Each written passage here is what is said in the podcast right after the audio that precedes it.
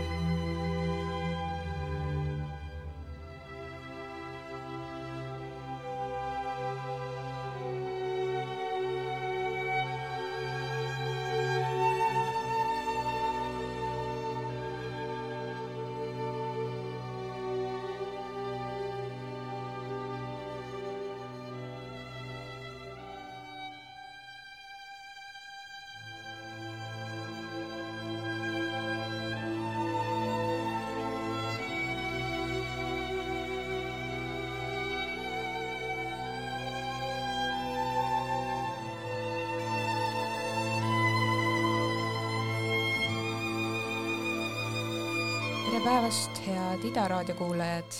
kell on saanud kaks ja algamas on ERSO saade.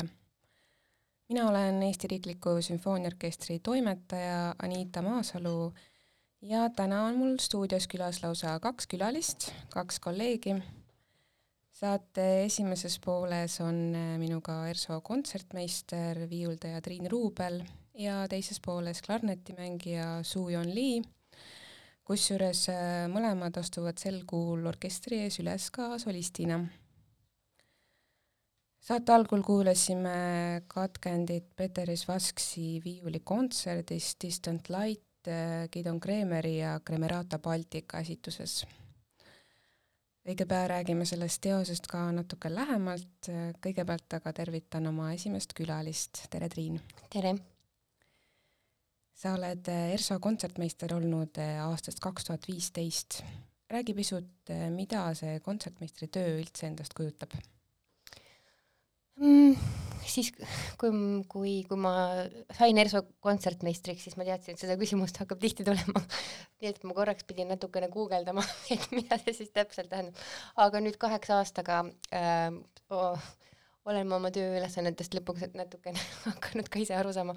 ühesõnaga Äh, kontsertmeister põhimõtteliselt on nagu ähm, orkestri ja dirigendi töö justkui vahendaja mingis mõttes, aga samas ka orkestri esindaja ähm,.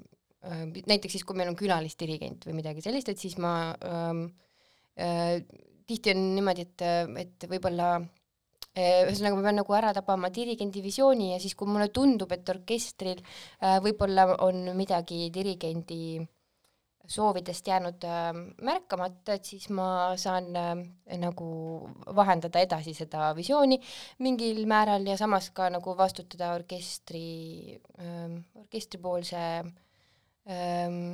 töö eest viiuli õppimist alustatakse tavaliselt äh, päris noores eas.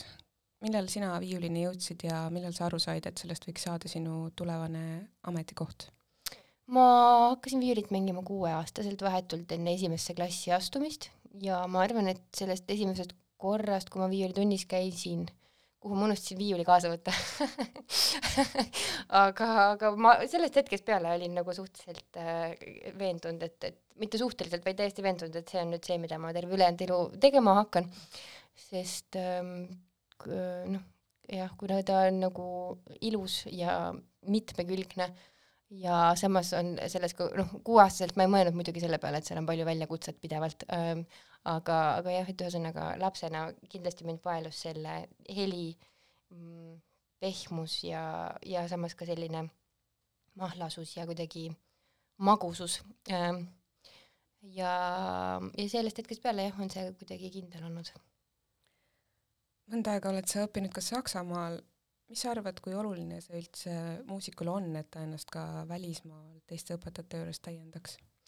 Ma arvan, et see on nagu, tähendab, ma isegi oma tudengitele alati soovitan seda, et kindlasti käia ja vaadata, esiteks mitte ainult seda, et sa käid ja vaatad, kuidas asjad nagu mujal maailmas käivad, aga, aga ma leian, et selle jaoks, et osata hinnata oma kodu ja, ja neid äh, võimalusi, mis peituvad äh, ka kodus äh, oma erialase, erialalise töö tegemises, et seda osata hinnata, siis peab seda natukene eemalt äh, vaatama mõnda aega. Et selles mõttes on see kindlasti väga oluline, et äh, muusikaharidus ja, või noh, akadeemilise muusikaharidus on tegelikult äh, nüüdseks juba nagu nii rahvusvaheline, et äh, et mingis mõttes väga suurt vahet ei ole selles, et, et, et kus sa õpid, aga jah, selline ärakäimine, mitte ainult muusikuna, vaid üldse ma arvan, et et inimesena mingis mõttes on kuidagi oluline just nimelt, et osata väärtustada öö, oma kodu ja teisest küljest ka selle jaoks, et, et lihtsalt nagu uut ja laiemat perspektiivi kõikidele äh, nähtustele kuidagi omistada.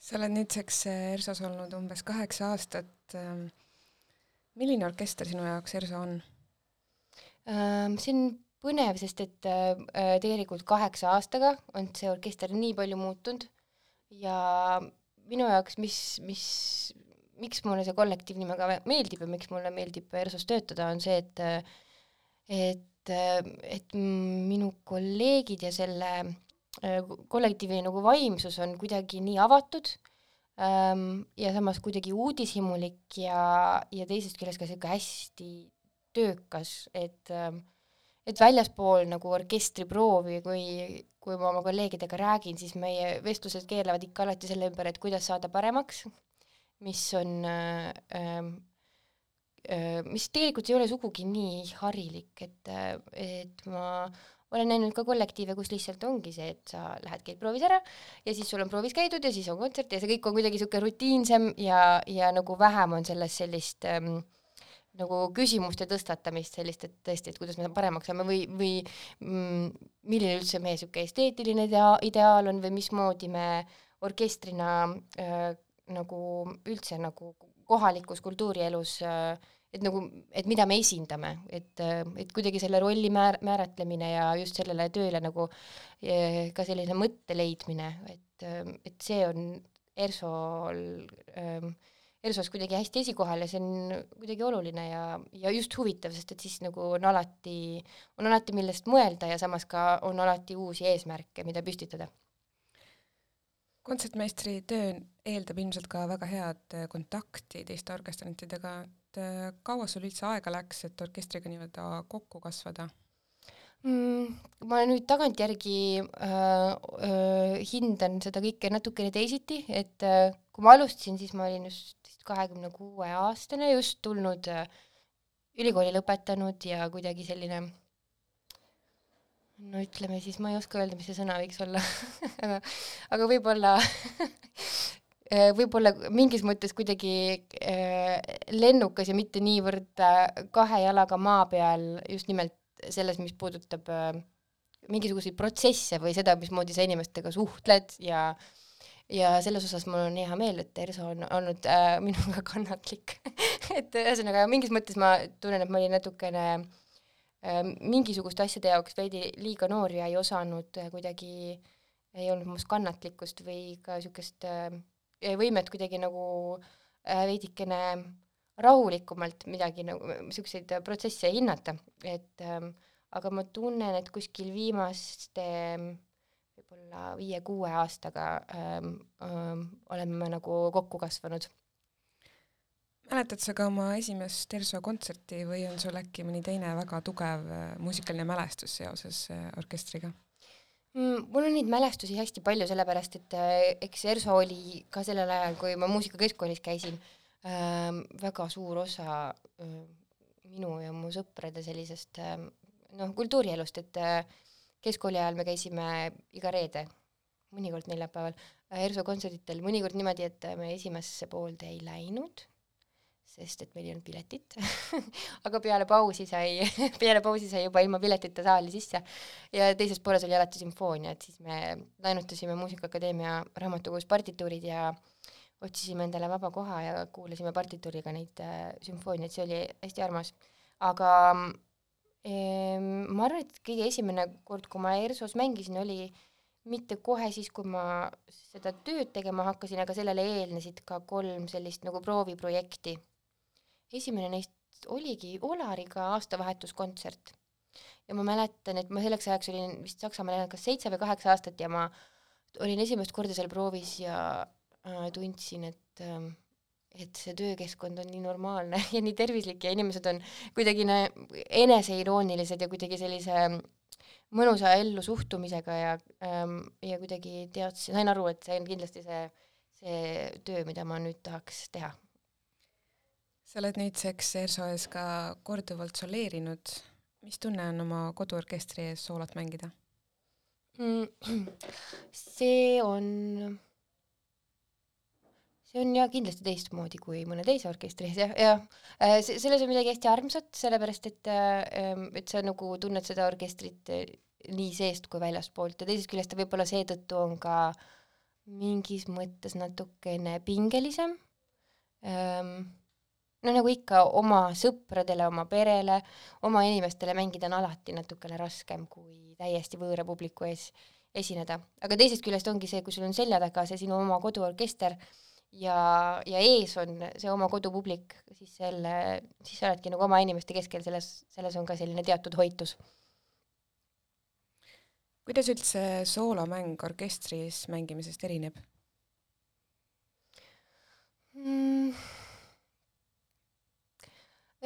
seda on taaskord nagu ähm, no ühesõnaga muusika tegemine, ükskõik, kas ta on siis orkestri ees või orkestri sees, et seal me tegelikult nagu tugevaid erisusi ei tunnegi, et see ongi, et nagu see protsess on seesama, et, et, et muusika on muusika. Ja see suhtumine sellesse, et kas ma nüüd mängin orkestri sees esimeste viiulite rühmas või ma seisan orkestri ees püsti ja mängin ainult seda üksikut häält, et ta äh, minu jaoks kuidagi on nagu aastatega kuidagi sarnasemaks saanud, et ma ei, suuri eri, eristusi tõesti nagu ei, ei oska ja ei taha teha, et äh, ma tunnen ise ka, et just, et nagu soolokontsert äh, et noh, et see, et see muusika on siiski omavahel nii põimitud, et äh, ainukene erinevus on siis võib-olla tõesti nagu see laval asetsemine neljateistkümnendal aprillil mängid sa ERSO ees Peeteris Vasksi viiulikontserti, mida saate algul ka pisut kuulasime. räägi, milline teos see sinu jaoks on ähm,? Peeteris Vaski muusika üldiselt äh, on selline, nagu selles, sellest katkendist oli ka kuulda ähm,, kuidagi selline poeetiline ähm,, ta ise räägib hästi palju armastusest äh,, mingisugune armastusest, soojusest, tal on hästi palju, ta ise on äh, inimesena ka tohutult äh, ülevoolav ja hästi soe ja hästi emotsionaalne. see muusika on, on samasugune. Selles viiulikontsertis äh, äh, see, mis me alguses kuulsime, et on, on läbiminev äh, selline materjal, aga seal on vastukaaluks ka palju metsikumaid osi äh,. ja just, et ongi, et ta on nagu hästi mitmekesine, sellepärast et äh, et tas on tohutut jõudu, see, mida me alguses kuulisime, oli hästi meloodiline ja hästi laulev, aga sinna juurde öö, tuleb jah, sellist öö, metsikut ja virtuoosset ja öö, tohutult emotsionaalselt teistsugust öö, materjali ka. et öö, igal juhul öö, tegemist on väga huvitava teosega. kui palju sellise teose ettevalmistamine sinult aega nõuab mm,? ma ei oskagi öelda, äh, ühesõnaga see teos on mulle juba tuttav, ma eelmine aasta Kristiina Poskaga, kes seda järgmine nädal juhatab, mängisime seda Lätis äh,, Peteris Vasksi festivalil Džeesises Läti Rahvusliku Sümfooniaorkestriga ähm,. Äh, sellised ettevalmistamised kuidagi, nad on hästi erinevad, mõn-, mõne teosega ma alustan niimoodi, et juba pool aastat varem, kui see on teos, mida ma ei ole varem kunagi mänginud, et aga nagu kokku kasvada, et ta saaks mulle hästi nagu omaseks, mitte nagu selles mõttes, et ma oskaks teda mängida, et ma teaks, kuhu sõrmed, sõrm laual panna, mitte selles mõttes, aga selles mõttes, et ta, et ta mängimine muutuks mulle loomulikuks nagu hingamine või rääkimine, et et ei oleks nagu selliseid nurki, mis kuidagi väljenduslikult oleksid ebaloomulikud või, või mingis mõttes nagu ülepaisutatud selles Ehm, jah, et jah, just nimelt, et nad ei oleks nagu ülepaisutatud ja kuidagi kasvaks loomulikuks, sellepärast äh, jah, tavaliselt mulle meeldib pigem võtta rohkem aega, sest et noh, nootide õppimine ei võta kunagi palju aega.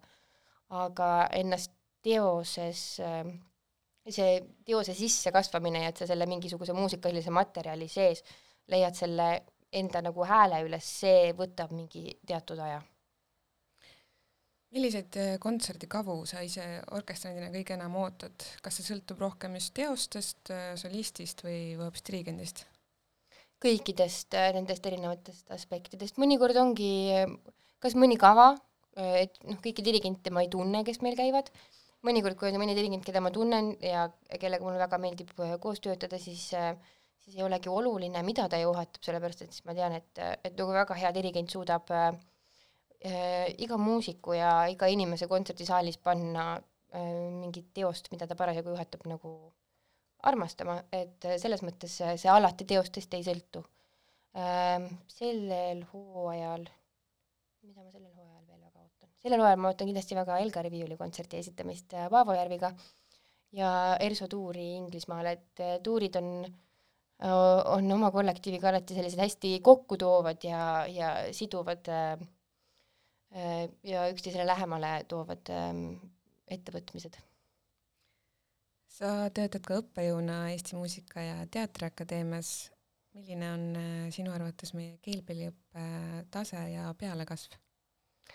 Ähm, sellega on hästi et, et mis ma just äh, hiljuti olen avastanud omaenda äh, klassist mõeldes, on nagu mitte ainult see, et äh, et mulle tohutult meeldib nende uudishimu ja äh, katkematu ja äh, peatumatu soov pidevalt äh, edasi areneda ja samas nagu äh, avatus kõigele, mis on uus või teistmoodi ähm,. et seda ma kuidagi praeguste noorte puhul tajun eriti ähm, ja teisest küljest äh, ka ma näen, et, et inim, inimlikult on äh, tegemist nagu tohutult äh, heade ja lahedate tegelastega, et, et selles osas olen ma väga lootusrikas. kas ERSO-s töötamine on noortele ka motiveeriv väljavaade? ma arvan küll, ähm, et ta võiks seda olla, sest et äh, kindlasti, kindlasti oleks oluline ennast täiendada kuskil mujal, aga mulle tundub, et ERSO üha enam on muutumas selleks kollektiiviks, kuhu, kuhu inimesed ka tahaksid hiljem oma elus nagu tagasi pöörduda kui sa nüüd mõtled äh, niisuguste kuulajate peale, kes võib-olla Estonia kontserdisaali ja ERSO kontserdile eriti ei satu, siis äh, kuidas sa neid ERSO-t kuulama meelitaksid um,? mulle tundub, et mis võib-olla inimesi kontserdi külastamise juures kõige rohkem hirmutab, on see mingisugune, ma mõtlen klassikalise muusika kontserdi puhul, on see mingisugune mm, ähm, mõte, et on mingisugune teatud etikett või et see kuulub äh, ainult mingisugustele teatud ringkondadele, mis äh, absoluutselt ei vasta tõele, et, et mis äh, kontserdi kuulamise juures kõige, klassikalise muusika ja kontserdi kuulamise juures minule endale alati kõige rohkem meeldib, on just nimelt nagu see mm, et nagu selle heli sees on nii palju vaikust, et sa istud selles äh, selles saalis, see on niivõrd abstraktne, et äh, sul ei ole, sul ei ole vaja mingisuguseid lisateadmisi või, või mingisugust äh, muusika ajaloolist äh, äh, ma ei tea, missugust nagu tausta või midagi sellist ähm,. noh, et, et see on nii abstraktne, see, mida sa tunned, on õige ähm, ja see, et sa seal istud paigal, sul ei ole nutiseadmeid, sul ei ole kogu seda infovoogu, et sa oled mingis mõttes nagu äh, seisad kuidagi nagu sellest tavaajast väljaspool ja sul on aega mõelda ja tajuda nii palju, et, et selles on mingisugune meditatiivsus, mida äh,, mida ma arvan, et leiabki ainult sellise klassikalise muusika kontserdisaalist. Aitäh, ma arvan, et selle mõttega on väga hea praegu lõpetada, aitäh sulle, Triin! Eh, Triinu saab eh, kuulata juba neljateistkümnendal aprillil ERSO ees soleerimas ja ettekandele tuleb Peeter Vasksi viiulikontsert. nüüd aga kuulame natuke klarnetimuusikat, täpsemalt Max Regeri klarnetisonaadi kolmandat osa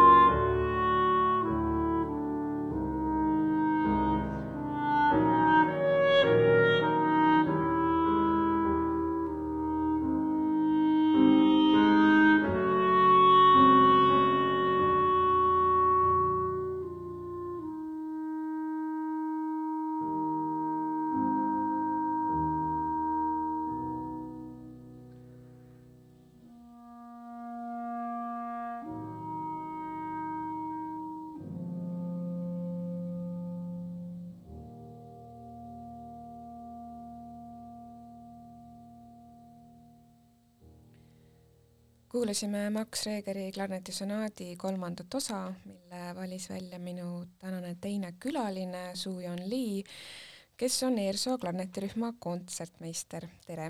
tere!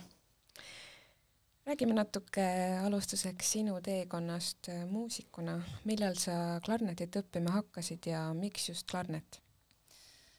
Äh, ma hakkasin klarinetit mängima kaheteistkümneaastaselt tegelikult minu muusikatee mm, on natukene pikem, ma alustasin viiuliga ja siis ma mängisin äh, pärast flöödiga ka ja siis ma li-, liitusin amatöör äh, puhkpilliorkestri, orkestrile flöödimängijana ja siis dirigent ütles mulle, meil on nii palju flöödimängijad ja siis äh, kuidas oleks klarineti mängima ähm,.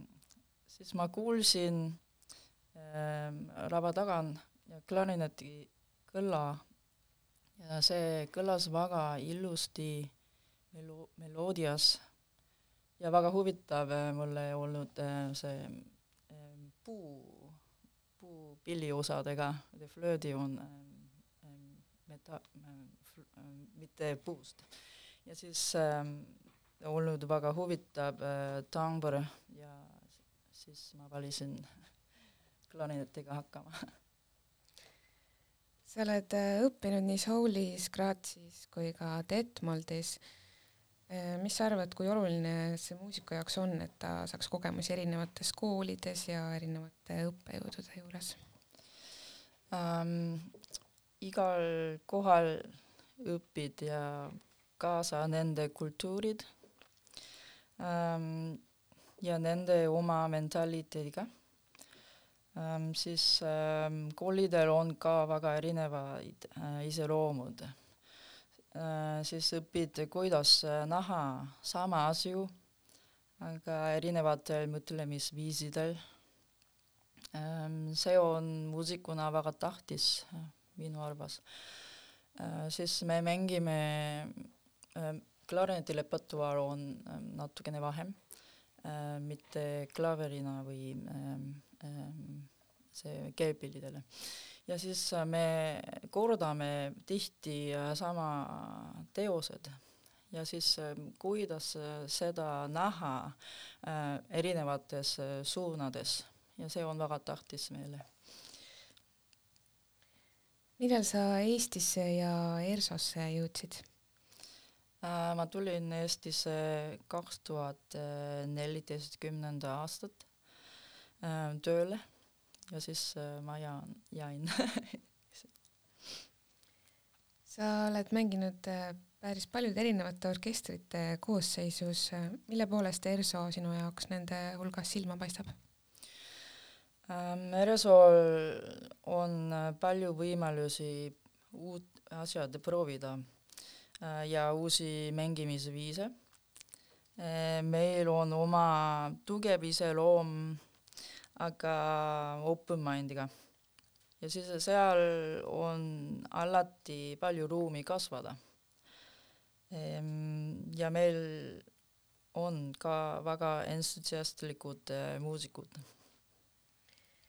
milline on üldse klarnetirühma roll sümfooniaorkestris ja kuidas sa iseloomustaksid ERSO klarnetirühma äh,? Klarinetirühm on orkestris äh, keskosakond ähm, me täiendada, me, me täiendame ähm, madalaim puhkpilli ja ähm, kõrgem puhkpilli vahel. Ja see tihti klarinetil on väga pehme tambr ja hästi meloodiad lüüriliselt äh, lausega. ähm, siis nagu tšellot. ja tihti äh, meil on ka roll, trompeti roll ähm, puhkpilliosakonnas ähm,. ta väga hästi sirgelt äh, mängida meie kla-, Reso kla-, klarinetirühma on väga rahvusvaheline rühma üks on Hispaaniast ja kaks on Eestist, aga erinevate generatsiooniga. ja ma ise tul-, tulin äh, Lõuna-Koreast ja siis ähm, me oleme väga huvitav äh, rühm ja mm, väga paindlikud ja aktiivsed ja väga sümpaatilised. ja siis me, me õpime üksteist ja palju ja vahendame mõtteid ja on väga tore. Lisaks orkestris töötamisele tegutsed sa ka kammermuusikuna. kuidas orkestris ja kammeransamblis mängimine erineb? Äh, kammeransamblis asjad on äh, rohkem paindlikum, siis äh, reaktsioon tuleb kiirem ja personaalsem, kuna koosseis on vaiksem. ja orkestris on ka teha ka, aga see on äh, kaheksa, kaheksakümne inimese, inimestega, siis äh, liigub natukene äh, aeglasem minu, minu arust proovis millised on äh, ERSO-s töötatud aastatest sinu kõige eredamad mälestused ähm,? Ähm, aastased ähm,, tegelikult äh, iga aasta oli nii tore iga aastad meil on väga erinevad kavad, kavad. aga mulle, ma mäletan eriti see koroona aasta veebikontsert, Ähm, see oli suur algus meile, äh, mis meil on nüüd tegelikult, see RSO TV ja uus peadirigent ja nii edasi, see paljud asjad ähm, stabiliseeritakse ja kõik äh, muusikud äh, ja see kontorid, personaalsed töötasid hundred protsent sada protsenti muusika armastusest, siis mulle väga meeldis see töö, töökonna. milline on üldse sinu kõige erilisem esinemiskogemus ähm,? Jaa, seal on üks eriline kontsert mulle, kuna see ei ähm,, ei tule tihti äh,. mängisin Emi Arviga Leo Vaineri Divertimento number viis ja seal on väga suur äh, äh, Ungari moodis klarineti kadent. ja siis pärast seda äh, Neme kutsus mind äh, laval orkestri ees äh, pub-, publikule äh, tervitada siis ole, oli mulle suur üllatus tegelikult äh, see ja siis kuidas äh, võimalik seda unustada nii armas äh, temast. vahepeal kuulame natuke muusikat. Suujan on välja valinud tänaseks saateks kolm lugu, ühte juba kuulsime enne, aga nüüd eh, liigume klaverimuusika juurde ja ettekandele tuleb Claude Debussy Reverie.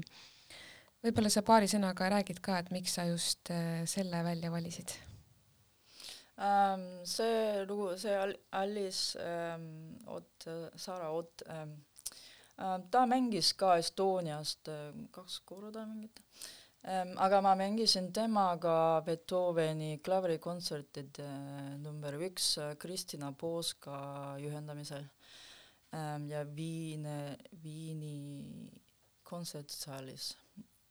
ja siis ma, ma kuulsin tema mängu no nii säravalt ja ähm, nii ilus muusikaga ja see lihtsalt äh, tema muusika on väga äh, elav ja siis mulle meeldis väga ja siis ma oot-, ost-, oot-, äh, vaatasin Spotify'd, mis äh, ta, tal on, muud asjad, Debussy mulle väga meeldib äh,, eriti selle äh, liht-, lihtne kõla ja aga see äh, harmonilis- äh,, harmoniliselt äh, äh, natukene keerulisem ja aga ähm, ta mängis seda väga ähm, väga poeetiline, siis äh, mulle väga meeldis. kuulamegi nüüd siis äh, Claude Debussy Reveriid Alice Saara Otti esituses. thank you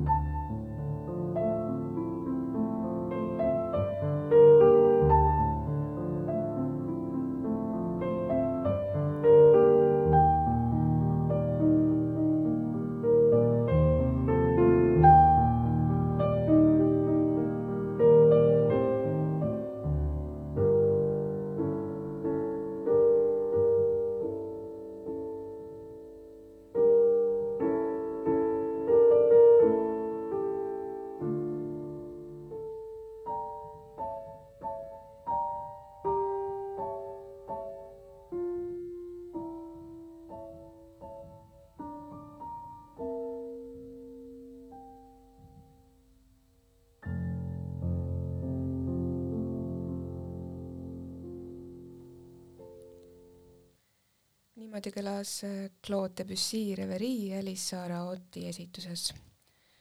minul on aga stuudios külas Soo-Yeon Lee ja jätkame vestlust.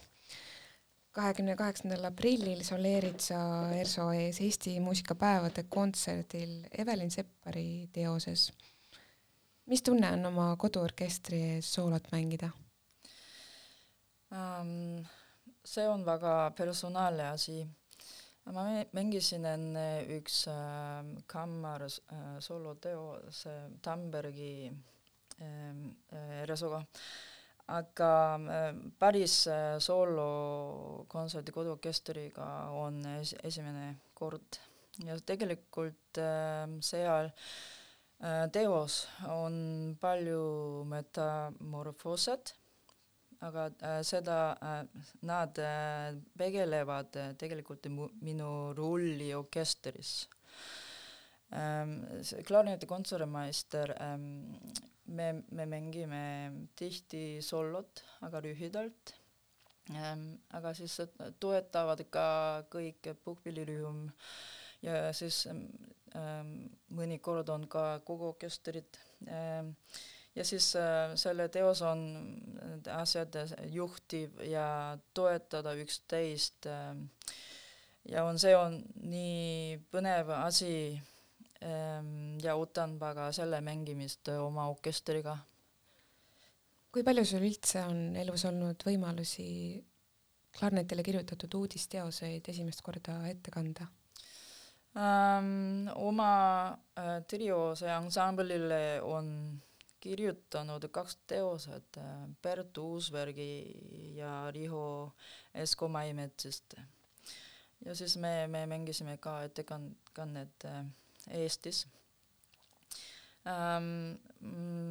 ja Grazzi PPCM-i õppes äh, see performance practice in contemporary music ähm,. tegin palju ansambli ja solopallasi ettekanneid ähm, aga see on, on, on tihti tudengist ähm, ja äh, pro-, professorist mõnikord. ja üks sõber seal kirjas kirjutas mulle ka üks väike lõbus pala äh, soloklarinetile ja siis ma, ma esitasin seda ka ettekannet kui sa peaksid äh, Evelin Seppari teost pisut iseloomustama, siis kuidas sa seda teeksid? Ähm, ähm see, see tiitel Kraft äh, tähendab ähm, võim saksa keeles. Ähm,, siis ähm, võim ähm, võib olla palju erinevaid äh, nägusid ol-, siis need on teos peidetud. Ähm, ähm, solopartis ja orkestris morskoodina või äh, harmoni akordina ja kui meloodina või rütmi, rütmina. Ja siis seda ele-, selle elemendid kasvavad ja kaotavad äh, alati ja siis äh, võib anda äh, personaalsed küsimused, äh, millised võim on mulle ja meile taktis, eriti praeguse olukorras maailmas, mm, mitte ainult äh, kõva ja või äh, äh, siis palju see ei ole, et see ei tähenda ainult võim siis äh, vaikus äh, tihti või pausis on ka, saab võim äh, saada. Eesti muusikapäevad on kahtlemata üks olulisemaid uue muusika alaseid sündmusi Eestis. milline üldse sinu arvates on Eestis seis nüüdismuusikaga, kas meil on piisavalt noori heliloojaid ja kas kirjutatakse piisavalt uut muusikat? Ja minu arvates Eestis noori heliloojad äh, on väga aktiivs-, aktiivsed ähm,. ja seal on palju potentsiaal ähm, kasvada paljudes su suunades. kuidas on äh, ERSO suhe nüüdismuusikaga, kas äh, sinu meelest on oluline, et ERSO ka nüüdismuusikat esitab? No tegelikult see on väga tähtis, me peaksime õppida, mis me räägime praeguse ähm, olukorras või praegune elus. Ähm,. ja siis, kui me tahaks, tah-, tahaksime hoida muusika roomingust tulevikus eriti. Ja siis mängijana võime neid äh, proovida ja toetada ja siis äh, nad saavad edasi arendada ja esitada. no täna, tänavuse kontserdihooaja lõpp ei ole enam kaugel, aga milline on olnud äh, sinu jaoks täna, tänavune hooaeg, mis on olnud erilisemad hetked ja milliseid järgnevaid kontserte sa kõige enam ootad? ähm,. eelmisel sügisel äh, Reso läksime, me läksime Euro-, Euroopa turne, me käisime Münchenis ja Pariisis ja äh, Nürnbergis ähm,. Sii-, siis me mängisime nii toredates saalides ähm,. see oli nii põnev ähm, kogemused mulle ja siis äh, muidugi ma ootan väga Evelin Seppari klarinetikontserti esita-, esitamas. aitäh, äh,.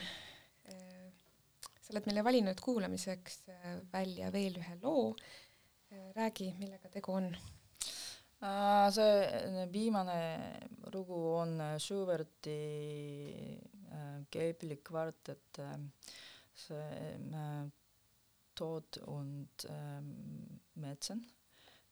Ma ei tea, mis äh, eesti keeles. ja see on äh, Surm ja tütarlaps ah. ma, ma jah ma kuulsin see, seda esmalt äh, Graatsi õppes, siis Albanberg kvarteti tuli, tul-, tulid ja mäng- e,, esitasid, esit- selle teo. ja päris äh, professionaalne kvartetit äh, ma kuulsin Euroopas äh, esmalt äh,, esimene korda. Ja siis äh,, aga teine osa algas ja see on, oli nii poeetiline ja nii lüüriline. Ja siis te, äh, nende mäng, mängu oli nii koos ja äh, emotsioon kasvavad kõik koos. äh, siis ähm, ähm, ma nutasin lihtsalt, ma ei teadnud, miks, aga siis äh, selle ajast see, ma mäletan seda äh,, seda, selle loo alati minu südames aitäh sulle, Suu-Yang. Ehm, saate lõpetuseks eh, jäämegi kuulama Franz Schuberti neljateistkümnenda keebli kvarteti Surm ja tütarlaps teist osa, esitajaks eh, Alban Berg kvartett. sel nädalal on aga võimalik ERSO-t kuulata nii Pärnus, Tallinnas kui Tartus, kus kolmel õhtul tuleb ettekandele Giuseppe Verdi Requiem Risto Joosti juhatusel Triin Ruubelit, kellega vestlesime saate esimeses pooles, näeb orkestri ees juba järgmisel nädalal, neljateistkümnendal aprillil kontserdil Distant Light, mida juhatab Kristiina Poska ja Suyon Lee astub solistina üles kahekümne kaheksandal aprillil Eesti muusikapäevade kontserdil. aga ootame teid loomulikult igal reedel Estonia kontserdisaalis. mina olen Anita Maasalu, aitäh kuulamast